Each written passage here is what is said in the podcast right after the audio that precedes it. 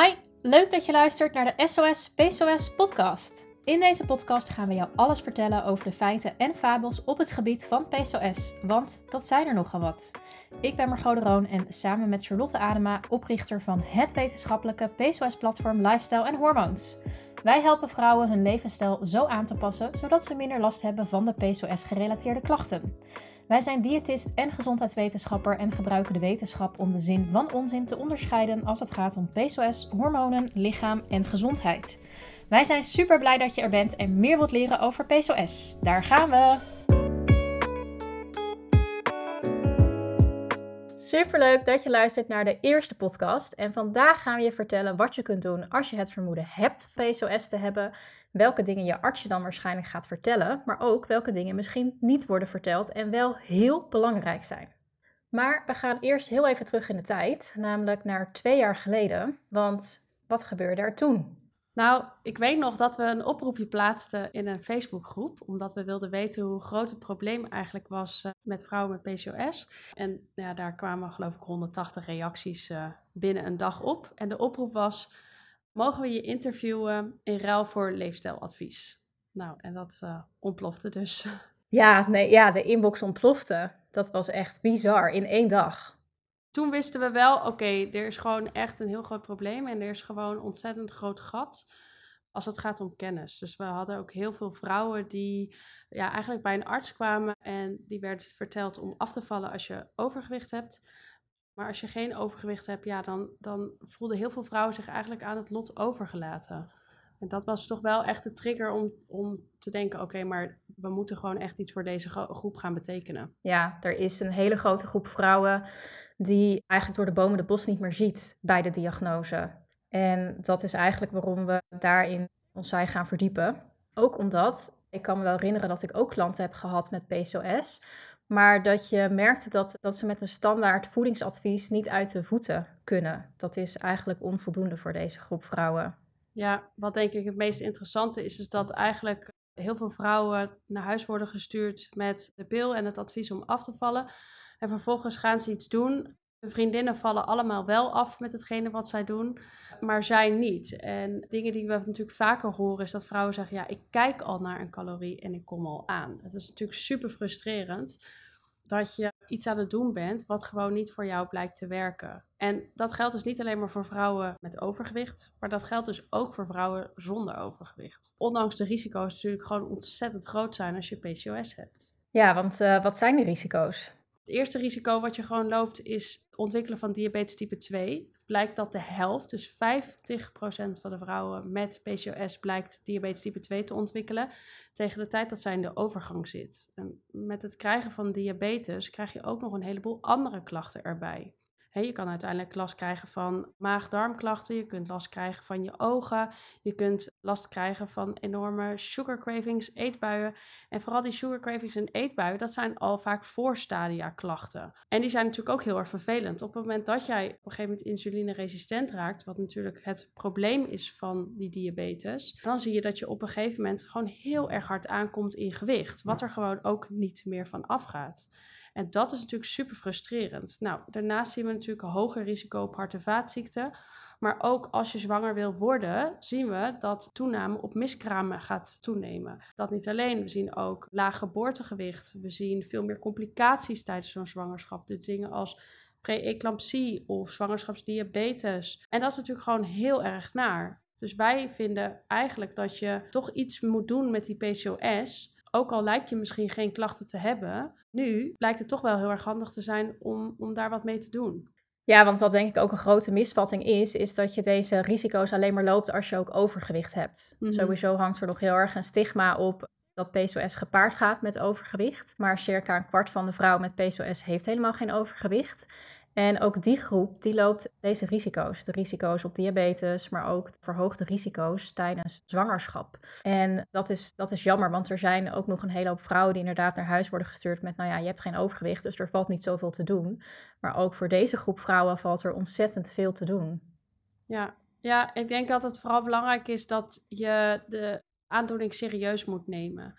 Dus niet wat we wel eens horen, oh relaxed, ik word niet ongesteld. Nee, dat is gewoon echt een teken van je lijf. Ga alsjeblieft hiermee aan de slag. Ga op zoek naar goede informatie. Laat je goed adviseren wat eventuele mogelijkheden zijn op het moment dat je de diagnose krijgt. En de pil alleen is gewoon niet voldoende. Ja, want even terug naar die diagnose. Hoe wordt uh, de diagnose gesteld? De diagnose wordt gesteld aan de hand van twee van drie criteria. Dus als je twee van de drie criteria, als je daaraan voldoet, dan krijg je de diagnose. En de eerste criteria is een geen of uitblijvende menstruatie met minder dan acht menstruaties per jaar. De tweede criteria is we hebben van verhoogde mannelijke hormonen. En de meest bekende is een verhoogd testosteron, maar dat kan ook DHEAS bijvoorbeeld zijn of androstendion. En de laatste criteria is eigenlijk meer dan 20 eiblaasjes op één of beide eierstokken. En dat wordt gezien aan de hand van een echo. Ja, en als je dan aan twee van die drie criteria voldoet, dan spreken we van het polycysteus ovarium syndroom.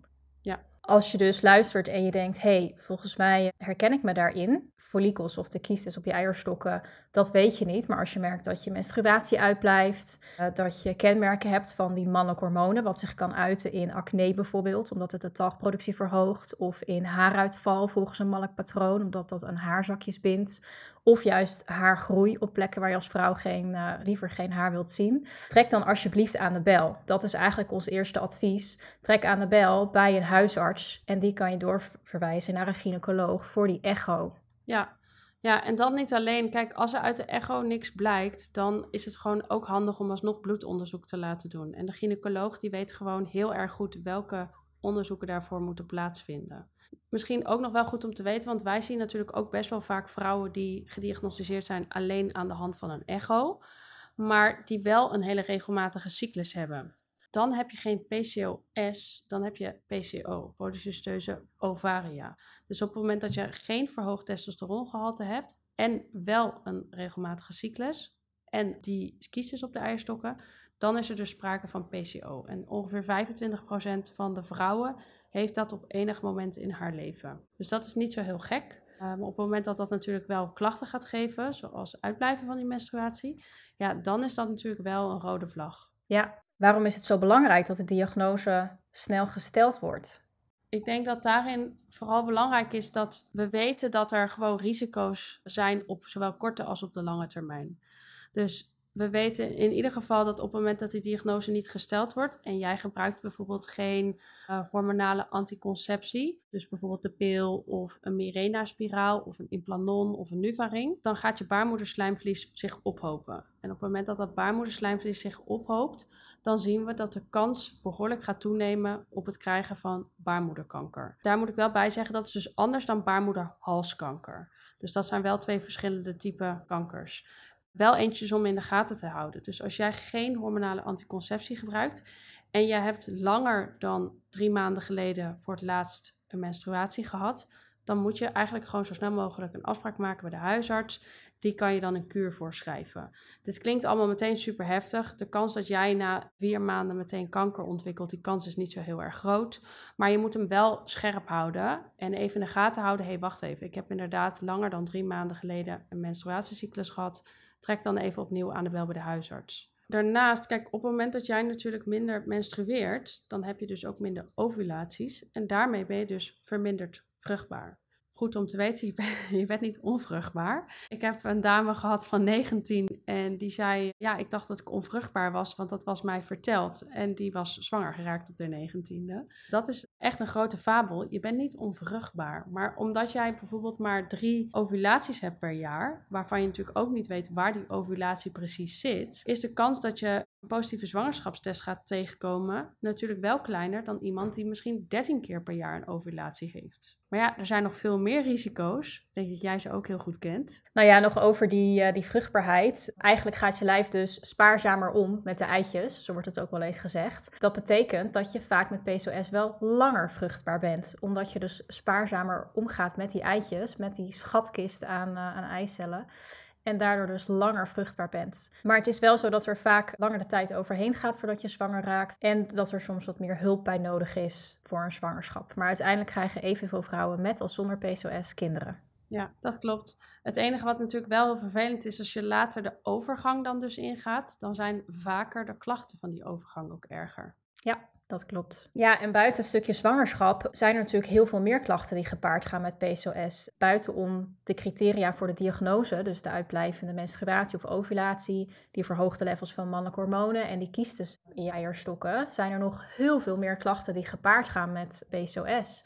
Denk aan de klachten die inderdaad passen bij insulineresistentie, zoals sugar cravings, veel dorst hebben, vaak plassen, wazig zien, nog steeds honger hebben na maaltijd, extreem moe zijn na maaltijd. Maar we zien ook heel veel mentale klachten. Depressie komt vaker voor, somberheidsgevoelens, angststoornissen, paniekaanvallen, concentratieproblemen. En ook heel veel darmklachten. Dus diarree en obstipatie, een opgeblazen gevoel. Dus het is niet een aandoening waar alleen maar je menstruatie of je cyclus mee gepaard gaat, maar eigenlijk je hele lijf en je geest. We hadden laatste keer een, uh, een reel gepost op Instagram. En dat ging over vermoeidheid. Dat de meeste dames eigenlijk al om acht uur denken: Oh, ik moet vanavond naar dat feestje. Terwijl ik eigenlijk denk: Doe mij alsjeblieft dat bed maar. En daar kwamen zo bizar veel reacties op van zoveel dames die dat herkennen. Het is eigenlijk gewoon het al moe wakker worden. Om acht uur s'avonds denken, nou, laat maar zitten. Ik ga liever mijn bed in dan naar dat feestje. En jezelf dan ook naar dat feestje moeten slepen is natuurlijk dan ontzettend vervelend. Want jij bent dan ook echt de sjaak afhaak. Dit is ook echt een heel herkenbaar punt van die PCOS. Die extreme vermoeidheid. Ja. Ja, en daar mag veel meer aandacht voor komen. Voor al die andere klachten die er vaak ook mee gepaard gaan. Het hoeft niet altijd te betekenen dat het wordt veroorzaakt door PCOS. Maar we zien dat er een hele sterke connectie is tussen je hormonen, tussen je lichaam en je geest. Dus zie je dat het een uit balans is, dan heeft dat effect op het ander. Dat betekent aan de andere kant ook dat je er dus zelf wel voor een deel invloed op kan uitoefenen. PCOS, ja, de oorzaak van PCOS is nog niet helemaal bekend. Er zijn verschillende theorieën vanuit de wetenschap dat het deels erfelijk is. We zien het namelijk vaker in dezelfde familieleden voorkomen. Maar er zullen ook een hele hoop omgevingsfactoren van invloed zijn. Waaronder dus je leefstijlpatroon, dus je manier van eten, bewegen, je slaapkwaliteit, je stress, uh, je microbioom, dus dat betekent je darmen. Maar ook giftige en ja, de toxische stoffen uit je omgeving. En waarschijnlijk zijn er nog veel meer factoren van op invloed. Dus het is altijd lastig om te zeggen wat is het kip en het ei met, eh, met alle klachten die gepaard gaan eh, met PCOS. Maar duidelijk is dat er enorm verband is en een enorme connectie tussen je hormonen en je lichamelijke gezondheid en je mentale gezondheid. Ja, ja ik denk wat we hier dan ook vaak zien, is dat het dan ook vaak ontzettend ingewikkeld wordt gemaakt. Dus zeker als we het hebben over voeding, er zijn zo bizar veel dingen te vinden op het internet. De ene zegt koolhydraatarm, de volgende zegt weer vetarm. De volgende zegt weer, je moet heel erg eiwitrijk gaan eten. De ene zegt, je moet bepaalde dingen schrappen of in combinaties eten. En het interessante is, de wetenschap laat eigenlijk maar één ding zien. En dat is gewoon meer gezond voedingspatroon aanhouden in een wat meer plantaardig patroon. Het wordt vaak super ingewikkeld gemaakt met allemaal mega dure supplementen die echt de wereld aan mogelijkheden gaan beloven. En die beloven jou ook dat je van PCOS kan helen of dat je zwanger kunt raken als je bepaalde supplementen kan slikken. Maar ja, het is gewoon vaak allemaal niet zo heel erg ingewikkeld als dat men het doet laten lijken. En tegelijkertijd is er ook geen quick fix voor. Dus het is niet zo, je neemt een supplementje en je bent van je PCOS af. Natuurlijk kunnen bepaalde supplementen wel bijdragen. Maar op het moment dat jij nou in ieder geval eens begint met het verhogen van je groente en fruit, dan heb je in ieder geval vaak al een eerste mooie stap gezet.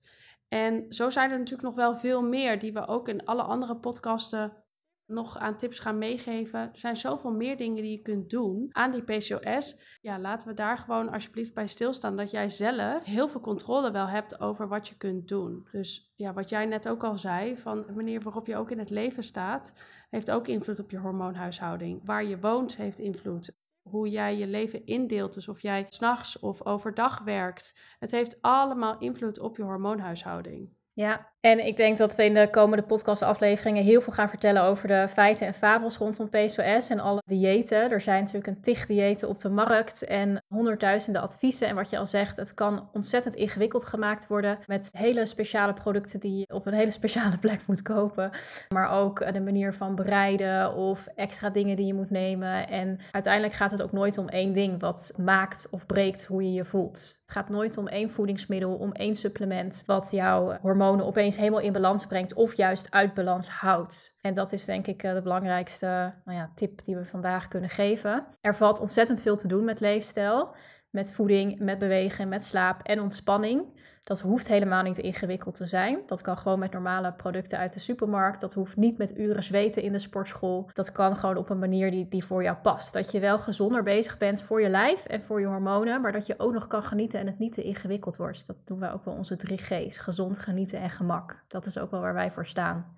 Ja, wat ik zelf interessant vind is dat het eigenlijk nog relatief weinig bekendheid heeft. Terwijl er bijna een half miljoen vrouwen in Nederland last hebben van die PCOS. Vandaar ook dat het goed is om daar wat meer rugbaarheid aan te geven. Op het moment dat je een chronische aandoening hebt, zorg er niet meteen voor dat je niks meer kan of dat je daar helemaal door getekend bent. Maar het betekent wel dat je gewoon een extra uitdaging erbij krijgt in je leven. En in dit geval, je kunt er nog best wel wat aan doen. Het is uiteraard niet zaligmakend. We kunnen nooit zeggen eet een appel meer en je bent van al je klachten af. Maar het draagt wel degelijk bij. En dat is denk ik ook het positivisme wat we proberen te brengen.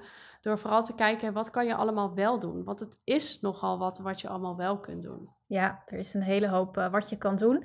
En daarin moet je ook altijd zelf uitzoeken wat voor jou werkt. Je hoeft nooit alles te doen wat, wat eventueel kan werken. Als jij al je voedingspatroon een beetje aanpast, dan kan je dat al gaan merken in bepaalde klachten. Dan kan je al energieker voelen met een paar aanpassingen. Dan kan je dat al de volgende week uh, daarop merken. Het hoeft niet een, een alles of niets mentaliteit of leefstijl te zijn. Nee, dat klopt. We hebben een hoop dingen besproken in deze podcast. En we hopen met deze podcast, met ons kanaal, meer bekendheid te gaan creëren rondom PCOS. Wat we dus vandaag hebben besproken, wat belangrijk is om mee naar huis te nemen, is dat als je herkent in de klachten die we besproken hebben, trek alsjeblieft aan de bel bij de huisarts. Als je de diagnose krijgt, weet dan dat je absoluut niet alleen bent. Circa 10% van de vrouwen in Nederland in de vruchtbare leeftijd heeft ook PCOS. Weet dat je naast de adviezen van de arts ook heel veel zelf kunt doen als het gaat om leefstijl, zodat je beter in je vel gaat zitten. En wil je nou weten wat je misschien hebt gemist bij de diagnose? Op onze website kan je een gratis checklist downloaden met de 10 dingen die je arts je had moeten vertellen bij je diagnose. Dankjewel, ik hoop dat je de podcast leuk vond en dat je er volgende keer weer bij bent. Doei! Heb jij genoten van deze podcast en wil je graag meer weten? Ga dan naar onze website www.lifestylehormones.com of volg ons Instagram-account Lifestyle Hormones voor meer tips en informatie over onze diensten en producten. De informatie in deze podcast is informatief van aard en op geen enkele manier medisch advies of vervanging van medisch advies. Neem bij twijfels en klachten altijd contact op met een medisch professional.